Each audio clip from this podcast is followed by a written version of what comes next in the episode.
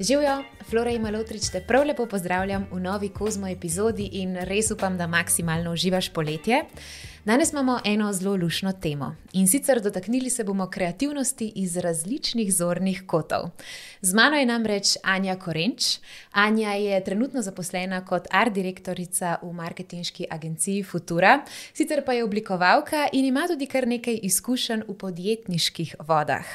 Lansirala je že dve blagovni znamki, nam bo pa danes imela ogromno zapovedati o oblikovanju, o postavljanju strategij in pa želim se tudi predvsem dotakniti kreative v vseh aspektih, kako si lahko tudi ti kreativna, pa nima vize v kateri koli službi si. Anja, živijo, zelo sem vesela, da si danes z mano. Hvala za povabilo, tudi jaz sem vesela, da sem tukaj. Ful se veselim najnega pogovora, ker sem prav pohitrila tale uvod, da greva lahko čim prej v teme. Te bom še mal bolj uh, predstavila skozi tvoje odgovore, ampak hotla sem te pa najprej vprašati, tako da mirno začneva in lahkotno, kakšno je tvoje poletje in pa kako zgleda poletje na eni taki veliki marketinški agenciji, kot je recimo Futura. Moje poletje je super, hvala Bogu, zdaj se je začela tudi malo bolj vročina. To sem jaz čakala, ker sem kot, kot primorka, ne morem brez tega, tisti dež mi ni bil lih pogodu. Uh, ja, na eni taki marketinški agenciji je delovno, uh, Um, skozi kreativno ne vidim neke velike spremembe, razen to, da so se začeli dopusti in polje pisarna, mogoče včasih malo bolj prazna, ampak to je pa edini tisti faktor. No. Mhm, pol ni manj dela poleti, še vedno. Uh, ne, mislim, ne, mislim, tako so, zmeraj so neka nihanja. Uh mhm. -huh. Se mi zdi, da ni to nek uh, velik faktor. No. To je pa samo moj občutek. Ko v večini pisarn je čista tišina. Pri nas ne. No, meni je tvoja zgodba zelo zanimiva, predvsem iz tega aspekta, da večina nas začne tako. Najprej se zaposlimo v enem večjem podjetju, oziroma v katerem koli podjetju, želimo nabrati izkušnje in gremo potem na svojo lastno pot, če že. Uh mhm. -huh. Ti si pa začela ravno obratno. Ti si bila pa najprej samostojna podjetnica in potem si se v bistvu zaposlila. Kako to, kako se je vse skupaj sploh začelo? Uh, ja, jaz nikoli si nisem predstavljala, da bom šla na svoje, uh, ker tudi ne izviram iz družine, ki bi bila podjetniška. Pač teh stvari se nisem mogla nikjer ali videti, ali se priučiti, ali pa da bi mi kdo pač to vzival kot položil. Mm, jaz sem si vedno želela v bistvu delati v neki oglaševalski agenciji in biti pač dizajner. Tam. To je bila res uh, moja največja želja in tudi v bistvu skozi faks sem jaz že uh, na eni oglaševalski agenciji skozi nekaj pomagala in delala, bolj kot ne brezplačno, samo zato, da bi si nabirala čim več izkušenj in pol, ko jaz uh, končam faks, lahko šla tudi naprej. In potem se je zgodila ta ekonomska kriza, takrat 2009, mm -hmm. ki je bila. Uh, in jaz sem pol uh, malo kasneje tudi diplomirala, in seveda, pač, uh, že tako niso zaposlovali, uh, da bojo potem pa zaposlili nekoga, ker nima nekih pravih izkušenj, pa tudi pač, uh, ni bilo uh, možnosti. Um, in nekaj časa sem še, ne bom rekla, obupavala, ampak nisem vedela, prav, kaj naj naredim. Uh mhm. -huh. Uh, in potem sem nekako se kar odločila no, s pomočjo domačih, da pa, uh, da pa probam. Ker fora bila pa v tem, da sem imela dosti nekih strank, za katere sem delala preko študentske napotnice, isto dizajn. Uh -huh. In sem v bistvu lahko to nekako povlekla tako malo naprej. In je bilo to kot uh, neka, ko hodiš v sili muhe žre. Uh, in sem tako v bistvu začela, in potem so se stvari začele odvijati. Uh, smo najprej naredili Embrand, uh, vmes sem delala še za stranke in tako naprej, tako da se je v bistvu to razpotegnilo, po mojem, več kot deset let. Jaz tabo sem v bistvu hotela predvsem to predelati, ker zdaj se zelo idealizira podjetništvo. Uh mhm. -huh. Sploh med mladimi se mi zdi zaradi vseh teh TikTokov, ki enim res recimo hitro rata, ampak teh je v bistvu zelo malo. Uh mhm. -huh.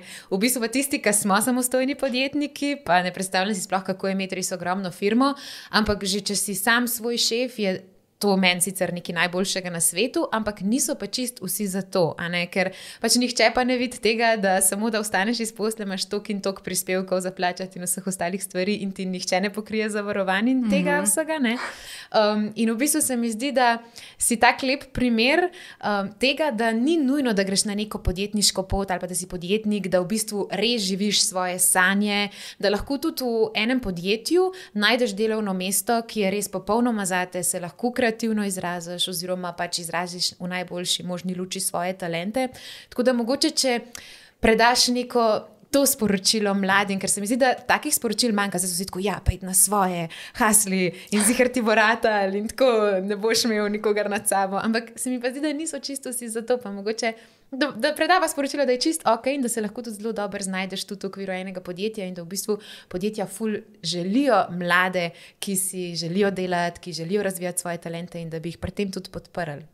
Ja, jaz bom povedala tako. Uh, doskrat sem dobila vprašanje, kaj bi svetovala mladim, ki si želijo iti na svojo podjetniško pot.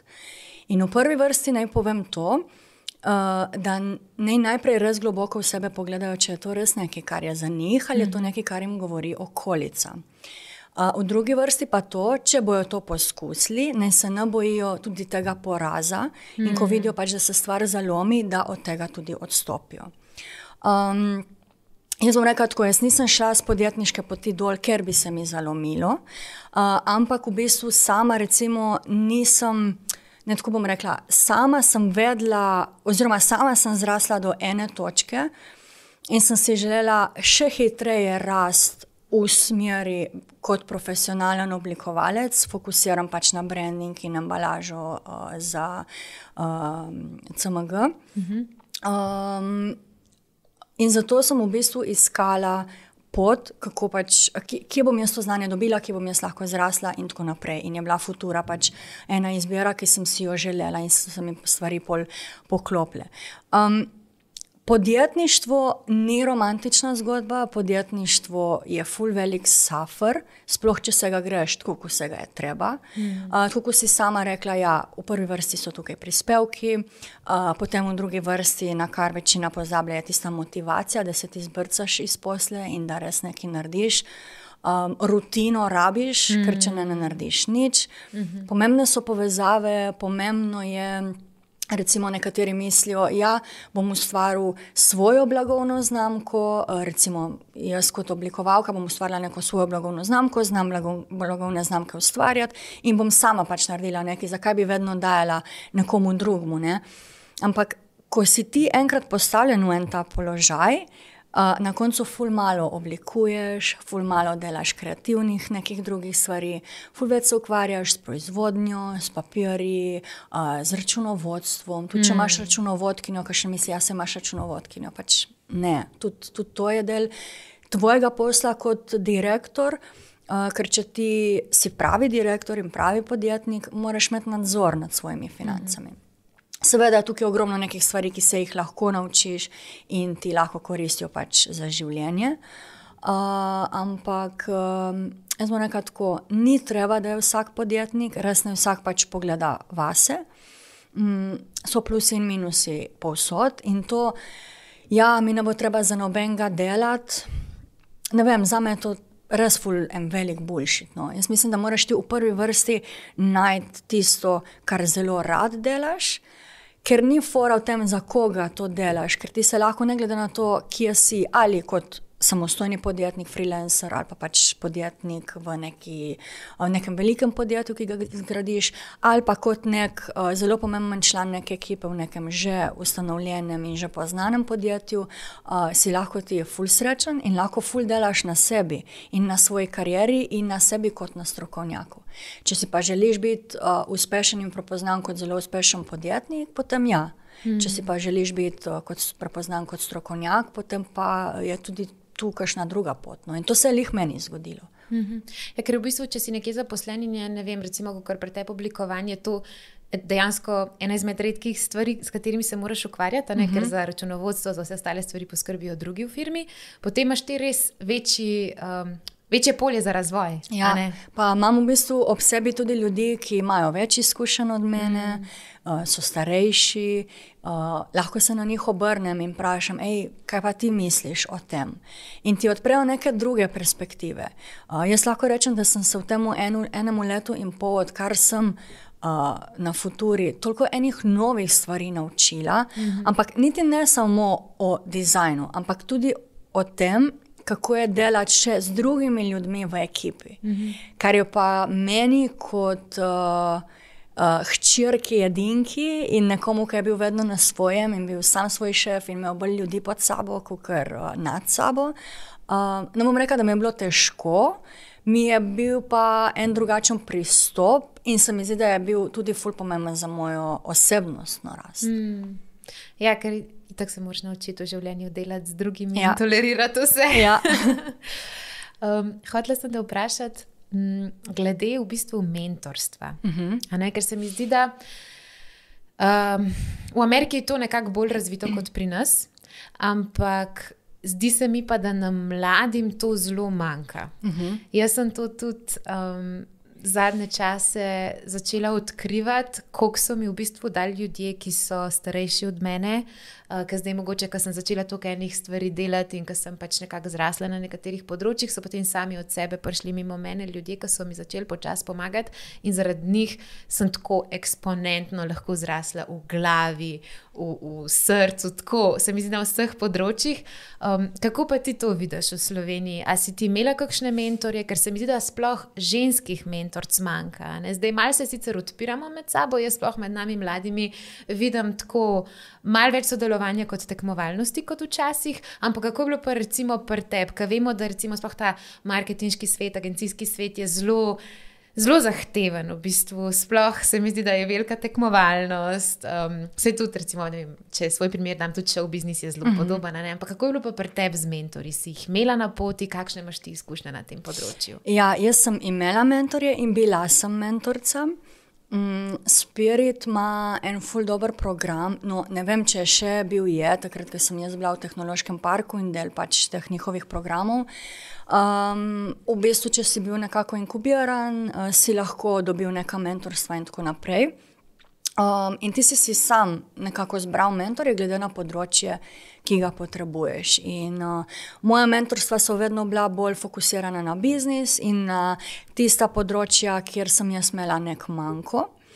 Sem pa recimo v zadnjem letu svoje poslovne poti uh, zbrala enega mentorja, uh, ki je poznal mojo zgodbo in sva se tudi tako poznala, ker sem vedela, ker to ženske se mi zdi, da ful rabimo. Mm -hmm. In kot si sama rekla, ženskih mentorc je zelo malo in kar jaz vidim še uh, pri drugih ženskah je problem.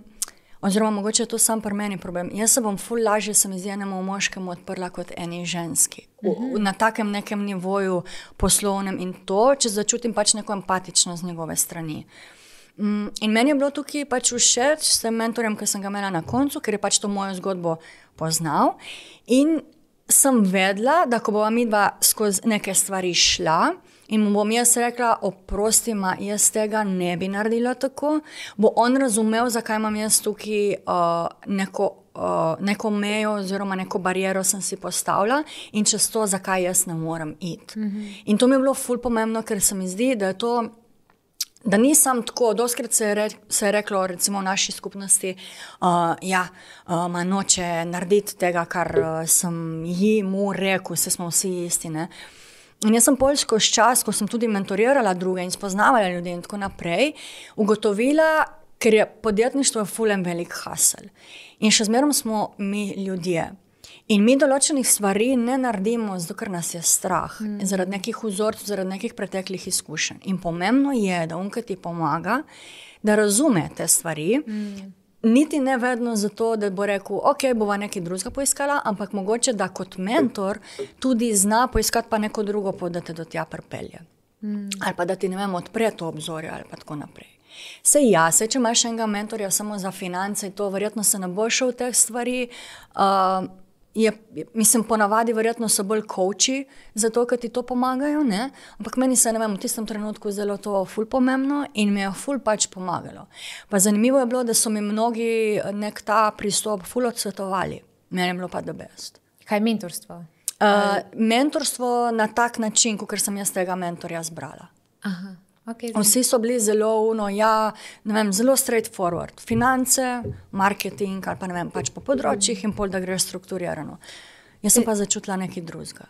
Pa se ženske moramo zaupati intuiciji. Ja, res je. Res je. Um, se mi zdi, da, da v bistvu nek dober mentor, kar sem jaz zdaj pri teh svojih opazila, je, da ti postavlja neka vprašanja, uh -huh. da ti ne da odgovora, ampak ti v bistvu zastavi vprašanje in potem ti razmišljaš, razmišljaš, razmišljaš in potem ti dobiš aha moment, uh -huh. ker je tvoj oseben aha moment ful večji, kot pa če ti nekdo direktno pove, um, tako nared.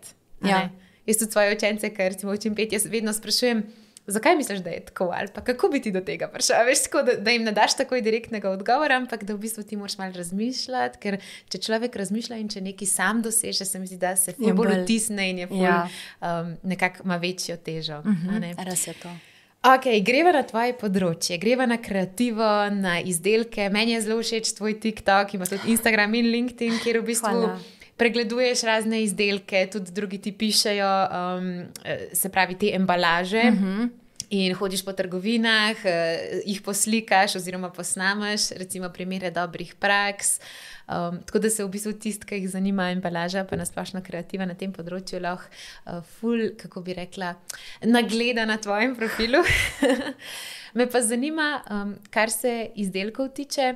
Mm, zakaj nam določeni izdelki prej padejo v oko kot, se pravi, zakaj nam en izdelek prej pade v oko kot nek drug? Uf, to je v bistvu zelo težko vprašanje, ker to izhaja iz nekih osebnih preferenc. Um, tako bom rekla, vedno, ko se pač lotimo oblikovanja ali neke embalaže ali pa nekega brandinga, vedno moramo pogledati, kdo je ta prava pač ciljna skupina in na tisto ciljno skupino pol mi tudi targetiramo. Um, dizajn je še vedno pač, kljub temu, da je dizajn kot tak uh, nekaj, preko česar rešujemo probleme, izzive in tako naprej, ker imamo tudi dizajne, ki popolnoma niso povezani uh, z mm. vizualnimi stvarmi in tega ful uh, ljudi ne ve. Um, tudi pri grafičnem oblikovanju, kot je pač oblikovanje embalaže in postavljanje blagovnih znamk uh, iz vizualnega vidika. Uh, je pomembno od zadnji neka strategija, nek strateški pogled. Mm. Se pravi, mi moramo vedeti, kakšno sporočilo bomo mi kupcu predali, uh, oziroma na kakšen način želimo, da naš ali pa izdelek našega naročnika komunicira s kupcem. Tako da moj odgovor na tvoje vprašanje bi v bistvu bil, uh, tisti izdelek ti pade v oči, zaradi tega, ker, bil, ker si bila ti targetirana. Tako, mm -hmm. čistko posplošeno. No. Mhm. Ja, v bistvu, kar mi je zanimivo, ko sem te malo preposlušavala na drugih podcestih, pa brala tvoje vsebine, je to, kako se mi v bistvu ne zavedamo, tako recimo, če se kdorkoli hoče česar svojega lotiti. Um, kako je pomembno, da mi najprej res dobro raziščemo, ne samo da bo lep logo, da bo lep izdelek, ampak dejansko, komu je namenjen, katera starostna skupina, kater spol, kdaj se bo ta izdelek konzumiral, oziroma pač karkoli. Um, kako ti to razdeliš, ko vidiš nek začetek neke zgodbe, kaj se ti zdijo ti prvi koraki, kaj je najbolj pomembno, ko se nečesa čist novega lotiš? Uh, ta prva stvar je seveda moodboard. Uh, ko sem delala sama, sem v bistvu tudi sama pač neko v izi strateško delavnico vedno naredila. Um, jaz sem prej sama delala bolj s start-upi, uh, kar je pomenilo, da ti start-upi seveda niso imeli um, nekih temeljev postavljenih in smo odgovarjali pač na neka vprašanja, zato da smo sploh prišli do nekih odgovorov in da smo si sploh razjasnili. Um, kaj sploh blagovna znamka je, kaj želijo z blagovno znamko doseči, um, in v bistvu tudi, kakšni so neki cilji njihovi za prihodnost. Uh, in potem smo pač. Jaz sem se to skupaj uh, dala in na podlagi tega nekako naredila nek mood board, še raziskala podobne stvari na trgu in tako naprej. Zdaj imamo mi to v hiši in tega jaz ne počnem več, kar mi je mm -hmm. tudi odlično, zaradi tega, ker ko si strokovnjak na enem področju, pač uh, koplješ po tistem področju in si samo še boljši. Tako da imam tle servis v bistvu še boljši, kot sem si ga takrat uh, sama sebi. Uh, ampak itak delamo tudi z drugimi naročniki. Za moje takratne je bil tisti servis super, tukaj pa pač delamo res z velikimi brendi. Um, ki pa že nekateri, oziroma velika večina, že imajo uh, neke stvari. Ne? Um, se že ve, in, uh, ali pa se pač dela neke nove blagovne znamke, takrat je pa treba v bistvu na novo raziskati. Se pa določene stvari na novo raziskujejo, tudi ko je blagovna znamka že na trgu. Tudi je full odvisno. Ampak jaz začnem svoje delo z nekim moodboardom, ne razmišljam prav kaj preveč. Mm, imam v glavi tisto, kar mi je bilo povedano, napisano, kar sem prebrala o tistem naročniku in kaj se je pač ugotovilo. Uh, začnem brskati uh, neke podobne primere iz prakse uh, in dajem pač vse skupaj na nek moodboard, uh, in je to neka zmeda. In pol grem spat, zaključim tisti dan, mogoče še kaj naredim, ampak za me najpomembnejše je potem drugi dan, ko se mi pač vse nekako usede v možgane. No, Ful mi je zanimiv tvoj primer uh, blagovne znamke Biči Club, uh -huh. ki si ga naredila. Ali lahko poveš skozi ta primer, kako si se naučila um, skozi spreminjanje tudi blagovne znamke uh -huh. sproti, oziroma prilagajanje trgu, ko ste določene stvari ugotovili, kje si začela, kakšna je bila ideja in kako si jo potem prilagajala, ko si določene stvari ugotovila, da bodo tudi tisti, ki še ne poznajo zgodbe. Lahko si predstavljala na enem takem praktičnem primeru, kako se v bistvu je treba prilagajati, ko določene stvari ugotoviš, ko gre enkrat, ne vem, izdelek na trg. Uh mhm, -huh, ja. Uh, Zdaj, uh, blagovna znamka Biči Club, da povem na hitro za tiste, ki je ne poznajo. Uh, to je bila v bistvu roza pločevinka uh, Babli Rozeja. Uh, in mi smo targetirali ženske on the rise, se pravi ženske, ki so bile nekako v usponu svoje kariere in so haslele. Um, pri, pri postavljanju te blagovne znamke je bilo zanimivo to, ponavadi imaš produkt, ki ga želiš prodati. Jaz sem pa tukaj izhajala iz value proposition. Jaz sem vedela, kaj želim kot nek občutek prodajati, in sem potem na podlagi tega, še komu želim to prodati, iskala product fit, se pravi, primeren produkt za ta value proposition in za to ciljno skupino. Um, želela sem si, da bi ta produkt bil um, nekaj iz prehrambene industrije ali pa um, pač um, pijače. Uh, sploh zaradi tega, ker mi je ta industrija sploh takrat bila najbližja. Um, in potem sem raziskala in ugotovila, da je roze ena taka pijača, ki se v bistvu v vseh nekih takih gatheringih, ko se ženske združujejo, ali pa ko so neki mogoče feministični dogodki, ali pa tudi ko je ženska nekako sama doma, pije pač roze. Uh, Uh, in sem se rekel, ok, roze, izhajam iz vinorodnega okoliša, vedela sem, da bom dobavitelja uh, enostavno dobila in da bo to vino kvalitetno in kontrolirano in tako naprej. In kaj pa zdaj, ne? Ali pač to vino prodajati v steklenici, kar je najlažje, ali ponuditi na trg nekaj drugačnega, da bo v bistvu že sama embalaža in že sam produkt nek visual hammer, ki se bo vtisnil v spomin uh, mojim ciljnim kupcem. Mm, in sem v bistvu se odločila, da bomo mi to vino zapakirali v pločevinko. Uh, in to je bil tudi en izziv, zaradi tega, ker ti pločevink no, kar, ne, ne kar naliješ, noter pa jo zapreš, ampak rabiš pač nekoga, ki ti bo to naredil. No, meni je to uspelo. Uh, zanimivo je bilo, ker so vsi se nam smejali, ja, zakaj ste pa, in to je bilo pre, pretežno strani moških, ne, zakaj ste pa uh, zbrali to običajno pločevinko, ne, to debelčkano, ne, rečem mm. jaz, čabi. Uh, zakaj ni tista pač elegantna, tanka? Ne? Ja, se nekaj, zato ker smo enake vam, ne? Ker v bistvu cel point blagovne znamke je bil ta empowerment. Mm -hmm. Jaz sem si želela uh, v blagovni znamki, skozi blagovno znamko biti klub. Uh, pač produkti so bili kot neko podporno okolje, kjer smo v bistvu delali uh, prihodke, ampak dolgoročni cilj pa je bil community. Mm -hmm. Uh, in uh, ženskam, ki so se mogoče na dnevni bazi počutile, ali da niso enakopravne, ali da niso uslišane, pa da imajo neke svoje biči momente, uh, da so imele prostor, kjer lahko to povejo, brez da zavijajo celofan, kar pomeni, da če smo mi želeli povedati kletvico, smo jo povedali, brez pikc, brez zvezdic, brez ničesar. Uh, lahko povem eno zanimivo uh, anegdoto, oziroma en zanimiv primer. Uh, ker sem pisa, pisali smo nek newsletter, uh, bil je za ta rožnati oktober uh -huh. uh, in je ta uh, Diana, ki je meni pomagala pisati uh, tekste. Uh, jaz sem pisala cel tekst, jaz sem jim dala nekaj navodila, odličen tekst napisala in smo tako v bistvu povzeli zgodbe znanih žensk, ki so tega raka prebolele. In jaz sem imela nalogo to njeno besedilo dati v newsletter, na blog sem že objavila, ne? zdaj pa dati v newsletter. In prav spomnim se, da sem sedela za mizo in se rekla, ok, Anja. Zdaj lahko ti napišeš pač nek subjekt, ki je tako polišt, lep, um, ko bi se reklo, um, zelo vsakdani, po drugi strani, malo dolgočasen, ampak ok, bo, bo, svoj point bo dosegel. Ali pa pač lahko slediš pa temu, da je ta blagovna znamka itak edgy in greš full bold, full iz nekega, greš full čez rob, tudi mogoče meje, do, meje dobrega okusa in vidiš, kaj se bo zgodilo. In sem rekel, ok, dajmo proba to drugo stvar, se je samo en newsletter. In jaz sem v subjekt napisala, please promise you will touch yourself regularly.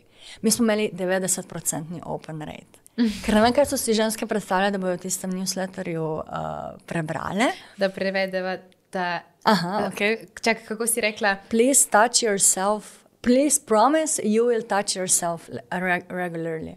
Ok, obljubite, da se boste redno dotikali same sebe. Ja. same sebe. Kar je v bistvu full on point, ne, če ja. pogledaš. Ja. V bistvu je pač ja, kot nek poziv, ampak ja, mislim, lahko gre tudi v neko full kinky smer. Mm. Uh, in ja, kar si rekel, pač, kako se je blagovna znamka spremenjala. Um, v bistvu moram reči, da sem zelo velik del te blagovne znamke zelo dobro postavlja, res. En del pa je bil, ker sem ga popolnoma zgrešila in bila sem full vesela, da sem ga popolnoma zgrešila. In to je bilo, jaz sem si predstavljala, da bojo ženske same sebi kupovale te pločevinke in da bomo imeli to v retailu in tako naprej.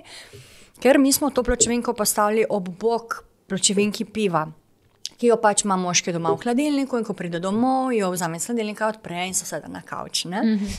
No, in mi smo hoteli tudi to pač for your bitchy moments, kao, ali so to dobri ali so slabi ti bitchy trenutki.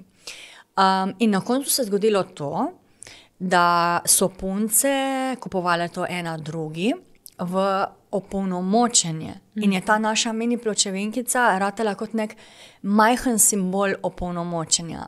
Jaz sem dobivala razno razne zgodbe na Instagram, uh, ena punca te zgodbe, ne bom nikoli pozabila, je pisala: Ja, veš, Anja, danes grem.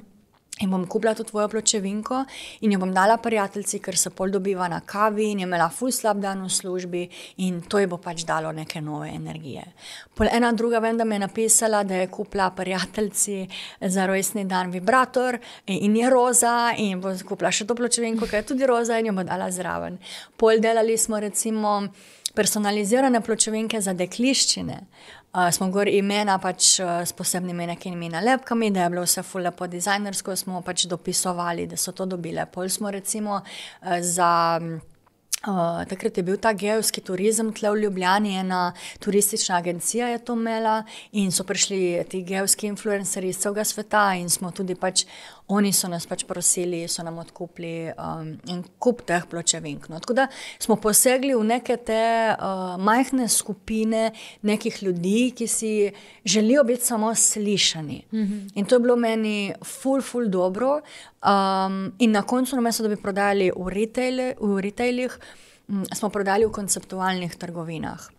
In moja želja je bila, da bi recimo v Berlinu in vseh teh ogromnih mestih imeli trgovine, ki so namenjene prav ženskemu wellnessu, se pravi ženskemu dobremu počutju. In tam noter imaš od nekih majčk s pozitivnimi mislimi, do nekih tarot kart ali pa nekih angelskih kart, do nekih praškov, ki si jih daješ v smutje in nekih uh, drugih teh kapsul za dobro počutje, pa seks pri pomočku in tako naprej. Pač res vse živo za ta namen, da se ženska dobro počuti.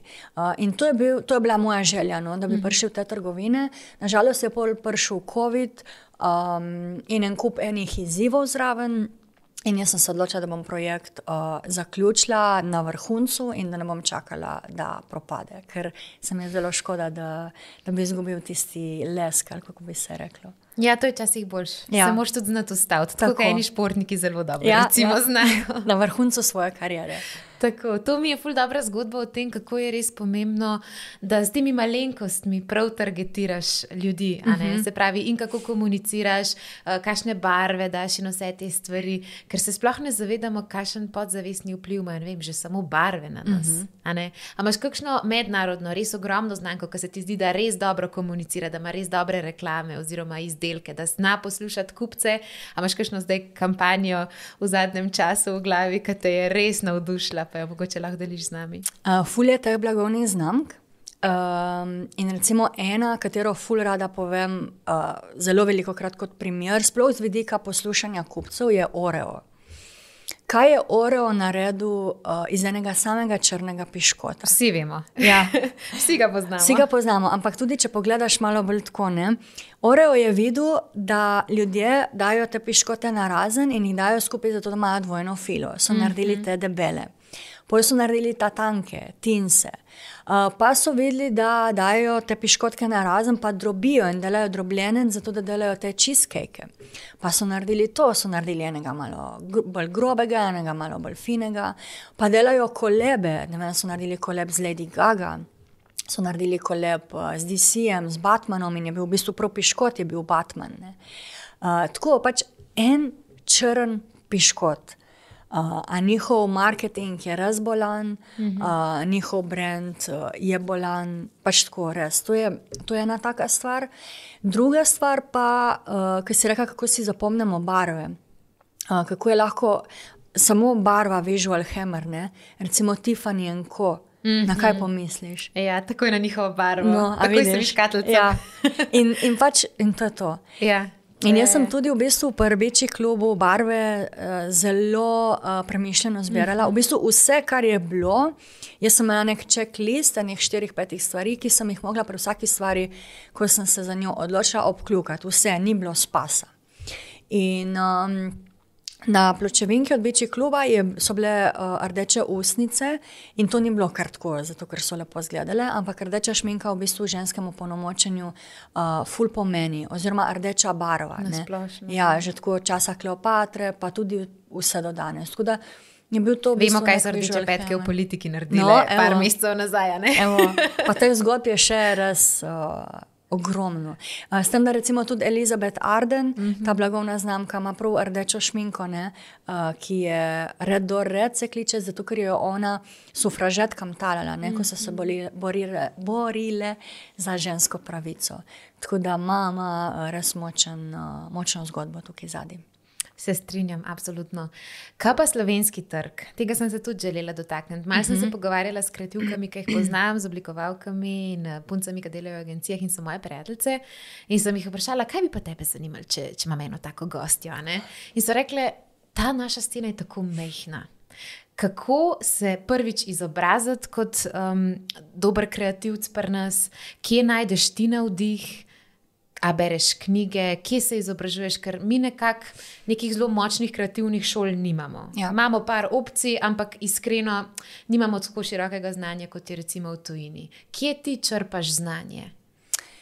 Meni zelo veliko pomaga se pogovarjati. Uh -huh. um, bom tako rekla. Najprej je tudi zelo pomembno, da se ti pogovarjaš z ljudmi o, o, o vizualnih stvareh, se vsak čuti poklican da pove svoje mnenje. Uh, ja, res je, da je to, to zelo um, subjektivna stvar, da hitro rečemo, meni je to lepo, meni je to grdo. To je vse res, ampak je tudi pač res, da so od zadaj še ful več enih stvari. Tukaj sem prej pre pač rekel, da je treba malo bolj strateško pogledati. Tudi, tudi v tem primeru je zelo pomembno, komu se obrneš po ta pogovor, s kom te stvari debatiraš. Um, fajn je, da odkrivaš, Uh, tudi pač, kaj se v svetu dogaja. Jaz zelo rada gledam vem, ta portal uh, eh, Dajline, ki je v bistvu na embalaži zelo močen, pa Packaging of the World uh, in tako te stvari. Uh, knjige so itak uh, ful pomembne. Um, je pa tako, ja, slovenski trg je ful nasičen. Mm, Ful nas je, hkrati, vsi smo mm. pač tle na dva km razdalje, se mi zdi. Ampak jaz mislim, da je to lahko na nek način tudi dobro, uh, ker si lahko tudi pač, ne vem, izmenjujemo mnenja, se poznamo med sabo in tako naprej. No. Tako da to. Um, sem pa jaz tista stara šola ljudi in mi je v bistvu izobrazba na tem področju tudi ful pomembna. Uh -huh. um, ne vem, pač se mi zdi, da, pa, da ne bom zdaj krivična, da se ne moreš ti sam naučiti nekih stvari. Ampak ne vem, šola ti da ne, nek zid sleder, pa neko odgovornost. Um, in tudi neke osnove, konec koncev, ne, da te naučim o Bauhausu in o vseh teh stvareh, ki so neka zgodovina današnjega oblikovanja. Potem pa pač ti gradiš naprej. Pa tudi najbrž o barvah, o določenih principih, ja. zakonitostih, ki jih verjetno v tem svetu moraš poznati. Ja, nekaj o financah, neke številke. Ne? Tako, točno to. Ja. Zdaj, recimo, veliko mladih prihaja kot delovna sila, ali pa nekateri složi na vodilna mhm. področja. Uh, imamo pa zelo, se mi zdi, in različna mnenja, različne poglede, različne načine dela. Tudi zdaj se moda menja, in kar se oblikovanja tiče, se mi zdi, da včasih je bilo vse dosti bolj tako spolirano, zdaj je pa tako uh, malo vse skupaj raštelano. Tudi, recimo, primer je video. Ne? Mhm. Prej si imel same lepe videe, lepe slike, zdaj pa nekako bolj kot je realno, večji doseg ima pa tudi, recimo, kaj je TikTok naredil. Reklame so se popolnoma spremenile, televizije skoraj noben več ne gleda. Kako pa na ta, to spremembo generacije gledaš? Hmm. Te nove generacije so ful prenese nekih novih mm -hmm. stvari, tudi v dizajn. Jaz se iskreno se prav malo bojim, kaj bo prinesla generacija alfa. K, se ne vem, kdaj se ta alfa začne. Zdaj. So, ja, zdaj, čakaj, kako so že. Ja, zdaj so, po mojem, v srednjih šolah. Ja, so še, so še mladi. Mislim, da so že srednja šola, začetki srednje šole, po mojem. Ampak ja, se že kažejo neki stili, ki jih oni zasledujejo, ker konec koncev so že toliko veliki, da že znajo povedati svoje mnenje. Mm -hmm. Meni je zelo všeč stil generacije Z in kaj generacija Z prenaša na FCMG segment. Um, ampak eh, generacija Alfa, ne vem, skozi dizajnerjeve oči se bo mogla ogromno enih stvari navaditi. No, Kaj pa Z prinaša, to jaz ne vem. z, z ali alfa? Z. z je prinesel ogromno živahnih barv, uh -huh. uh, malo kaosa, ki je zelo razumljiv kaos, bom jaz uh -huh. temu rekla. Um, Zelo so podvrženi sustainabilityju, uh -huh. sicer včasih malo niso pošteni do tega, tako malo so skomplicirani. Uh -huh. Ampak kar se tiče v bistvu nekega dizajna, je ta dizajn, ta ti kontrasti med sabo, uh, in z vidika barv, in z vidika oblik, in nekih takih uh, stvari, ki mogoče na nek prvi vtis napašajo skupaj, pa kar vidiš, da delujejo, uh, to mi je pa všeč. Um, A pa se ti zdi, da si omenila to trajnost, uh -huh. da se zdaj to kar mal preveč poudarja. Uh, ja, za moje pojme bi moglo biti to uh, higijenski minimum mm. za uh, vstop na police.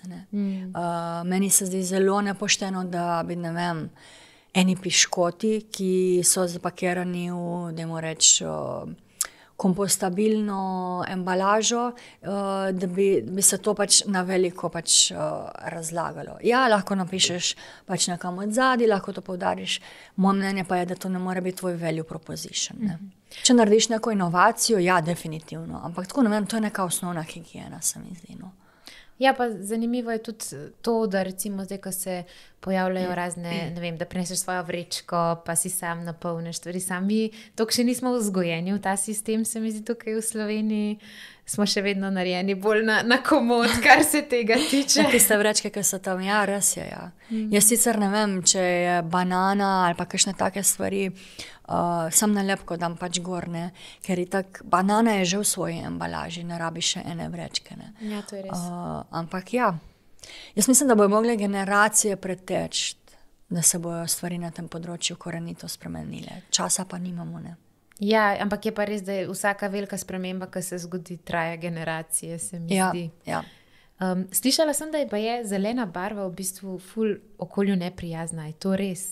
O, to pa prvič slišim. Tako da, da v bistvu te zelene embalaže, ki so zelene barve, niso tako zelene, ker zelena pora več. Ne vem. Mogoče sem to slučajno nekje prebrala. No, iz, iz tehnološkega vidika ja. ne bi znala povedati. Vem pa uh, v, na digitalnem področju, ker smo enkrat nekaj brali in se nam je zelo ful zanimivo. Um, tudi tam je sustainability. Mm -hmm. um, in sicer, če je spletna stran, da moraš, da je cela v črni barvi uporablja manj energije, kot pa tista, ki je cela bela. A res je? Ja, ja. To pa prvič slišim.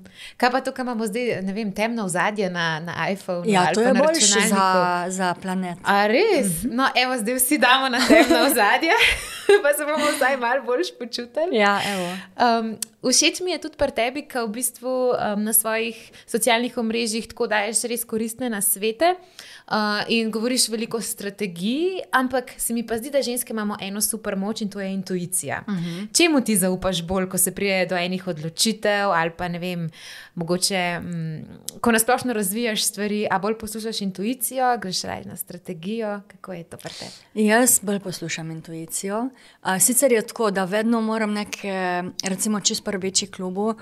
Jaz sem šla stvari zelo uh, strukturirano delati, ampak sem zelo intuitivno in zelo na šestem čutu, pač se tudi marsikajšno stvar pol odločano. Uh -huh. um, tako bom rekla, neka zdrava kombinacija obojega, ko pa pride do res nekih pomembnih stvari in če ti občutek daje nekaj drugega, kar ti pač papir pravi, jaz bom šla vedno na občutek, uh -huh. ker vem, da me do zdaj še nikoli ni izdal. Uh -huh. Kako pa ti je kot ženska v tem poklicu, ker vemo, da um, v teh poklicih je veliko moških uh -huh. in mhm. včasih je, so tukaj moški, bodimo iskreni, prevladovali. Ti si pa zdaj ena redkih, ki si na enem takem vodilnem položaju. Kako ti je delati v takih ekipah? Uh, meni je full fajn, ker se s fanti in moškimi se full uh, lepo razumem. Mm, hm. Ja, žal mi je, da nas ni mogoče več, um, ampak. Um, Pač te moške, ki sem jaz srečala iz našega sveta tukaj, so mi vsi pač v, v veliko oporo. Uh -huh. uh, in kljub temu, da res ženska manjka ženskih mentorc, njih iz tega vidika, ki smo se prepogovarjali, nekega empatičnega, čustvenega, pa ženska bo prej razumela, zakaj si ti. Danes sitna, pa da te hormoni mm. malo dajo, in tako naprej. Moški bo rekel: Ah, ne, spet bo dobila nekaj. Ne? ja. In ne bo tega razumel. Ne? Tako da Iz tega vidika je pomembno imeti ženske mentorice, ker razumejo, da si včasih slabe volje in tudi ne veš, zakaj si. Um, ampak jaz lahko rečem, da uh, moja izkušnja z moškimi uh, v mojem poklicu je uh, zelo um, podporna, se pravi, zelo pač velik suportno. Mogoče pa to tudi zaradi tega, ker so vsi precej starejši od mene. Mm -hmm. Mm -hmm. Pa imate bolj mešane ekipe, a kdo bi rekla, da prevladuje? Um, mislim, da v našem podjetju, po mojem, nas je kar več žensk, uh mhm. -huh. v kreativi nas je, po mojem, nekje pol pol. Uh, ja, so pa ti starejši kreativci, so pa večinoma moški, je pa tam kar večji procent. Uh, na drugih področjih uh, sicer ne, na našem področju pa ja, in so tudi starejši. Pol. Je pa ena stvar v kreativnih poklicih, kar tudi sama pri sebi vidim, da se ful težko izklopimo. Uh -huh. uh, jaz se tega zdaj polučim, vedno boljš mi gre. da imam vsaj en dan res off in da ugasnem računalnik, da včasih mi celo rata, vsaj za pol dneva, ugasnem tudi telefon, zdaj cel dan mi še ne uspe, ampak ok. Ampak kako se pa ti s tem soočaš? Ker verjamem, da tudi te možganček non-stop dela, non-stop premišljuje, ker ti si mi zelo podobna že na prvi kavi, ko smo se dobili, smo se res ujeli in sem tako videla, da oh, je ista kot jaz, fuluživa. Um, ker mal bi lahko nekdo rekel, da je deloholik, ampak se mi zdi, da ko enkrat res padeš noter čas pač mine. Mm -hmm. Kako ti uh, nekako izklopiš, ker vemo, da je v, sploh v kreativi res ogromno ene izgorelosti, ki jo mogoče tisti, ki ne delajo v kreativi, ne razumejo, zaradi tega, ker fizično delo, pa psihično je še zmeraj malo drugačno. Zato, ker te možgan non-stop premleva, ideje se non-stop porajajo in potem, če ne znaš tega izklopiti ne, ne spiš, si vse čas malo v svojem svetu in se dejansko pač prekuraš. Kako pa ti to manevriraš? Mm, jaz sem imela tudi ful problem s tem in po moje sem enkrat eno močno izgorelost tudi že dala skozi, pa mogoče takrat sploh nisem vedela, da je bilo to to. Moje prvo pravilo je že kar nekaj let zdaj, da za vikend ne delam, mm -hmm. razen če pač res ni nujno nujno. Uh, kar pa ne pomeni, da ne razmišljam o nekih teh kreativnih stvareh, ker ko si kreativc, vedno nekaj melješ. Uh, in pa se kaj zapišem, in tako naprej. Um, ja, probam biti v stiku s prijatelji, probam iti ven v naravo. Um, Lih ta vikend sem videla, ker sem nekaj uh, posnela za TikTok in sem pol bila kar, kar živčna. Mm. In pol sem pa ugotovila, če sem pa šla ven da me je to minilo. Mm. In sem rekla, ok, ne, pač naredi, če si si že zamislila, um, in pol pač pedi ven presekine. Uh, tako da, ja, meni se zdi, da je ta um, zdrava meja nečesa zelo pomembna.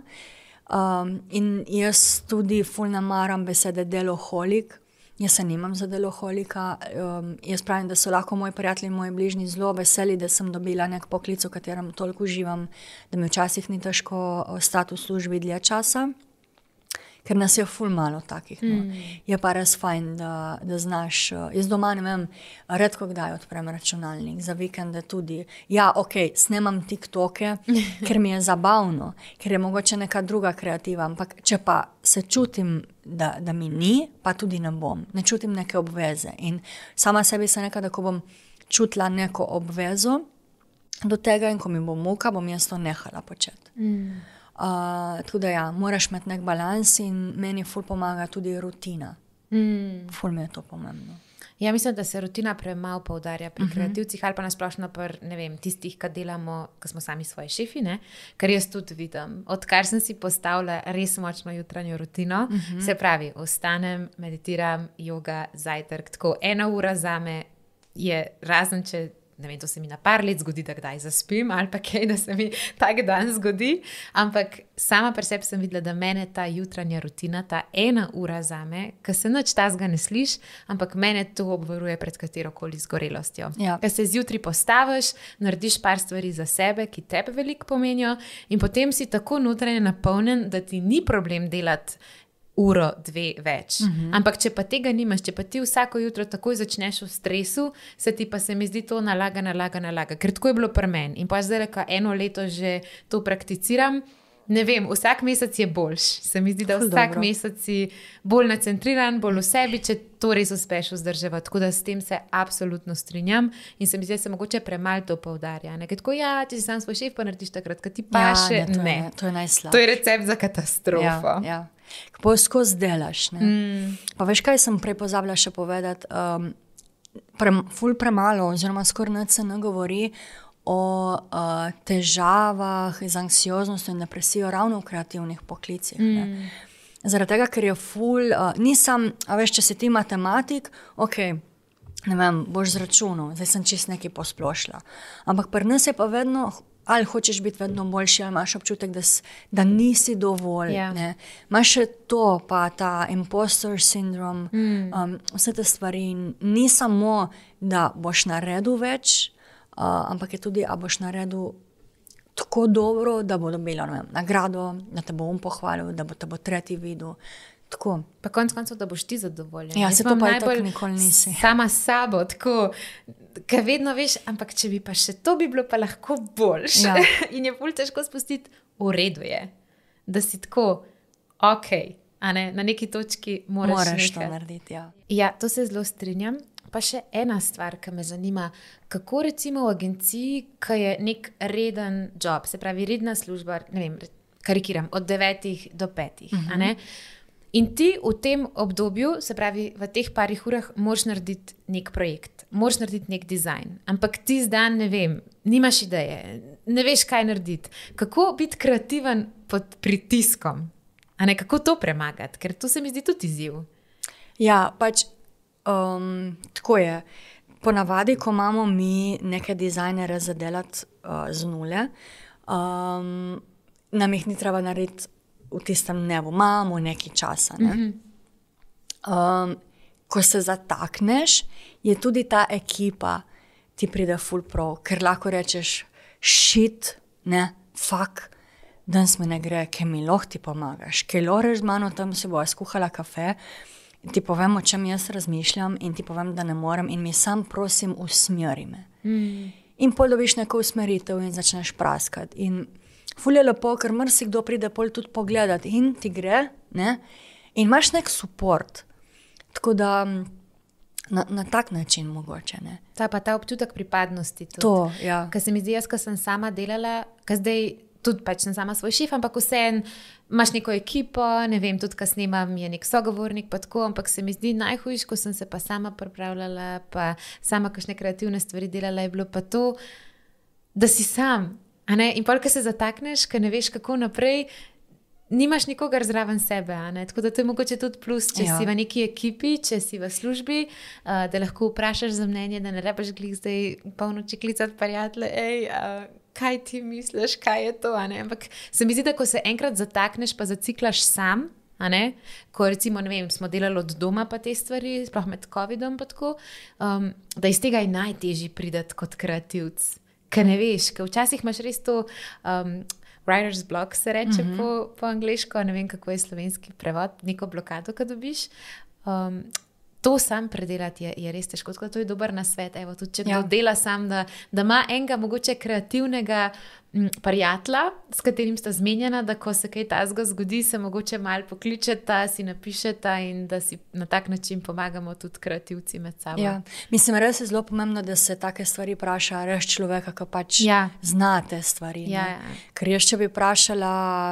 Ne vem, koga od svojih prijateljev rekel, da ja, meni to, o, ful je lepo.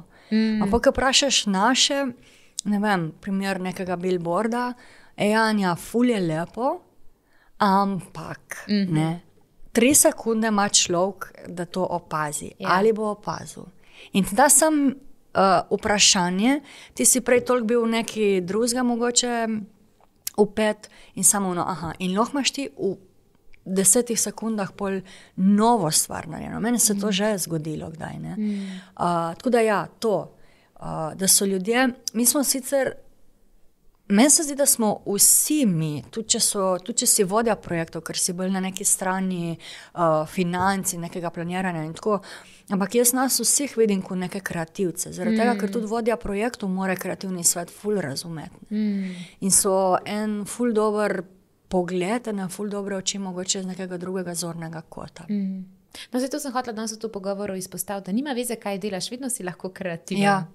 Vedno. Meni so tudi kreativni računo, računovodje, tako nekaj Zanimivo. najbolj neverjetnega, kako najdejo neke stvari, kako lahko to povežejo, pa davke tako levo, desno. Meni je to noro, ker tega sveta ne razumem. Mm -hmm. Tako da v bistvu smo vsi kreativni. Mm -hmm. niso, niso samo kreativni poklici kot sami kreativni. Ampak v bistvu, če v svojem poklicu res uživaš, se mi zdi, da vedno najdeš nek svoj način, ki je kreativen, ker je tvoj. Ja, točno. Tako to. da v bistvu smo vsi.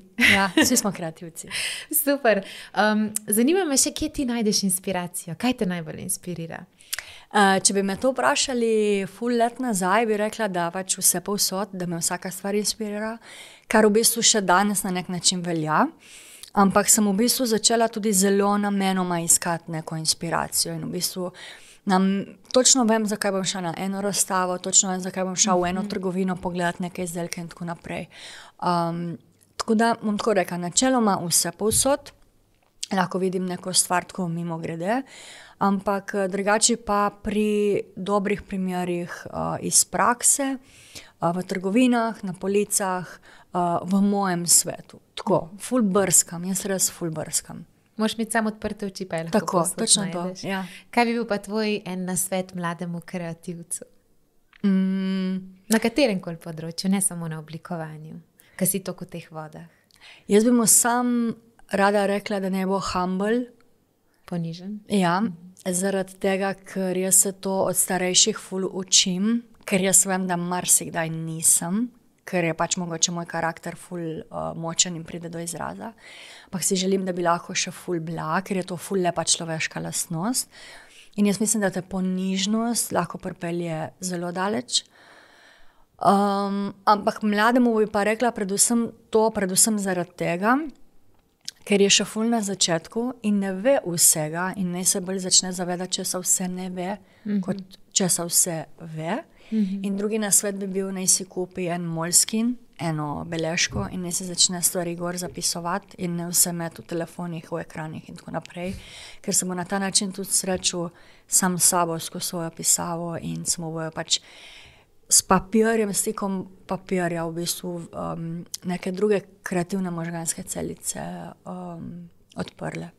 To je zelo dober na svet. Jaz sem tudi prešaltala, da nimam vsega na telefonu, uh mhm. -huh. ker sem imela vedno Google koledar in vse beležke in tako.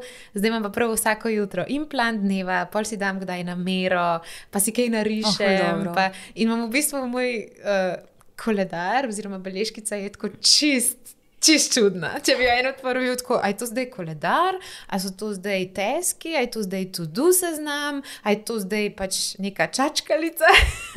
ker karkoli mi pride, si dam ti enoter, ker imam vedno sabo. Uh -huh. In sem gotovila, da boljš, da si nekam pišem to, nekam pišem to in potem pozabim vse te zvezke doma, da imam vse v eni. In po mojem, ko bom tako ne vem, par let nazaj gledala in si bom mislila, da je to. Ojoj, kaj je bilo to? Ampak le je važno, da tebi služi. Ja, ja, tako da je fino, da si vsak najde nek svoj način, kako ja. funkcionira. Ja. Ker meni je fino, ko imamo vse v enem, pa v bistvu se nekako nacentriram za dan, pa še zraven kaj kreativnega napišem. Ja. In potem pogledam, ah, ker sem se recimo na tvoj podcast pripravljala, ti dan, ko smo se prvič dobili, sem si par stvari zapisala, pa sem pošla nazaj gledati, pa danes sem si, pa prejšnji teden, ko sem se pripravljala, mal, a veš, in potem sam nek skupek, ah, takrat sem to stvar tako videla, ok, zdaj pa sem poslušala, ne vem, še nekaj o tebi, pa zdaj to vem. Uh -huh. Pa sem mhm. prebrala tvoj članek, pa zdaj to vem. In potem se samo nekako uh, nakladajo stvari na kupček. In potem imaš neko tako lepo celoto, celoto ker v telefonu imaš letom, pa tudi ja. in je čist nekaj drugega, kot ti fizično nekaj prebereš. Sem Jaz sem tako ljubitelj pač vsega fizičnega in knjig in izdelkov in lepih stvari, rož in tako. A, tako da to se mi zdi en tak super na svet. ja, jaz, odkar sem pač prišla zdaj na futuro, ker mi imamo vse digitalno in dejansko drugi splanirajo meni dan. Uh, dobro, na nek način si ga tudi sama, ampak jaz imam plan pač uh, digitalen. Sem izgubila. Jaz sem imela prej, um, v bistvu za 52 listov, sem si sprintala za cel teden in sem imela tako v bistvu od Hej, od ene blagovne znamke, eno tako lepo zlato sponko, mm. svoj logo. Pa sem v bistvu si za vsak teden, uh, za vsak dan sem si tako napisala in sem imela to pred sabo in pomembne stvari pač v Google koledar, zaradi tega, da me tudi telefon ja, zavidiral. Ja, Zdaj pa je vse to digitalno in mi je bilo hudo, ker sem to izgubila. Zdaj se mi je pa velik nonsens, da se jaz zdaj to prepisujem. Ja, ja. Um, ker preveč časa porabim. Tako da imam pa imam dva dnevnika. Eden je tako ful za neke osebne misli, kamor lepim vse živo noter in tudi nima nobenega smisla. Um, enega pa imam v bistvu o dizajnu in o službi, o idejah in tako naprej. To sta fizična dva, in pomem pa še Notion, kjer se malo bolj strukturirano v bistvu delam stvari. To je ena aplikacija. Uh, in pol še zapiske v, uh, v Apple, pač v telefonu, ki se mi sinhronizirajo z računalnikom in s telefonom. Da v bistvu takoj, ko pač neko idejo dobim, da se hitro zapišem in ne tam. To si jaz isto, ker ja. če zdaj dobim kakšno vprašanje ali pa karkoli delam, pa si pa vse posinkam, ker imamo ideje, vse pa vse. Ja. Super. Jaz mislim, da smo dali ogromno enih idej, lahko bi se še pogovarjali, ampak glede na to, da smo časovno omejeni, te bom vprašala še zadnje vprašanje, ki ga postavim čisto vsakemu gostu. In sicer, kdaj si pa ti najbolj samozavestna? Uh, Ker sem lahko to, kar sem jaz. Uh, tako pač, ful preprosto, ful malo krat se to zgodi. Uh, in takrat sem, po mojem, tudi najbolj srečna. In mislim, da je takrat tudi pomembno, kateri ljudje so okrog mm. mene. Tako da to. Ja, kaj igramo neke vloge. Ja. Ampak, ko pa si lahko res čistiti, je pa najlepše. Ja. Se strinjam. Zelo lepo smo zaključili. Hvala, ker si bila danes moja gostja. Povej še, kje te lahko najdejo, če jih zanima več o oblikovanju, o tebi, o tvojem delu. Um, najprej hvala še enkrat tudi tebi za ta pogovor. Uh, ja, najdejo me lahko na Instagramu, Anja Korenč, um, na LinkedInu, isto Anja Korenč in uh, ponovem tudi na TikToku, isto Anja Korenč. Greš v, um, ko bi rekla v stik s časom. Ja, uh, z generacijo. Z... Tako, evo, super. Hvala ti in hvala tudi tebi za poslušanje. Upam, da ti je bila epizoda všeč. Če ti je bila, se oglasi v komentarju, polajkaj, pošeraj. Skratka, lahko pokažeš malce ljubezni. Mi bomo z veseljem ustvarjali super epizode še naprej in se vidimo prihodnji mesec.